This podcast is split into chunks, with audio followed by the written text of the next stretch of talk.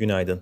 Çin Merkez Bankası orta vadeli kredi kolaylığı faiz oranını 10 bas puan düşürerek %2,75'e indirdi. Çin'de perakende satışları Temmuz ayında yıllık bazda 2,7 oranında artarken sanayi üretimi ise %3,8 arttı. Richmond Fed Başkanı Thomas Barkin, 1970'li yıllardakine benzer bir politika hatasından kaçınmak ve enflasyonu dizginlemek için faiz artışlarının devam etmesi gerektiğini söyledi. Moody's, Türkiye'nin kredi notunu B2'den B3'e düşürürken görünümü negatiften durağına çevirdi.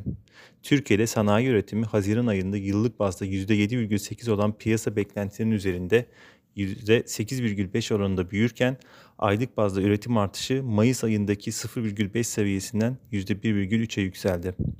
Bugün Türkiye'de Temmuz ayı bütçe dengesi açıklanacakken yurt dışı piyasalarda önemli bir veri akışı bulunmamaktadır. Bu sabah Asya endeksleri hafif alıcılı, ABD vadeleri ise hafif satıcılı işlem görüyor.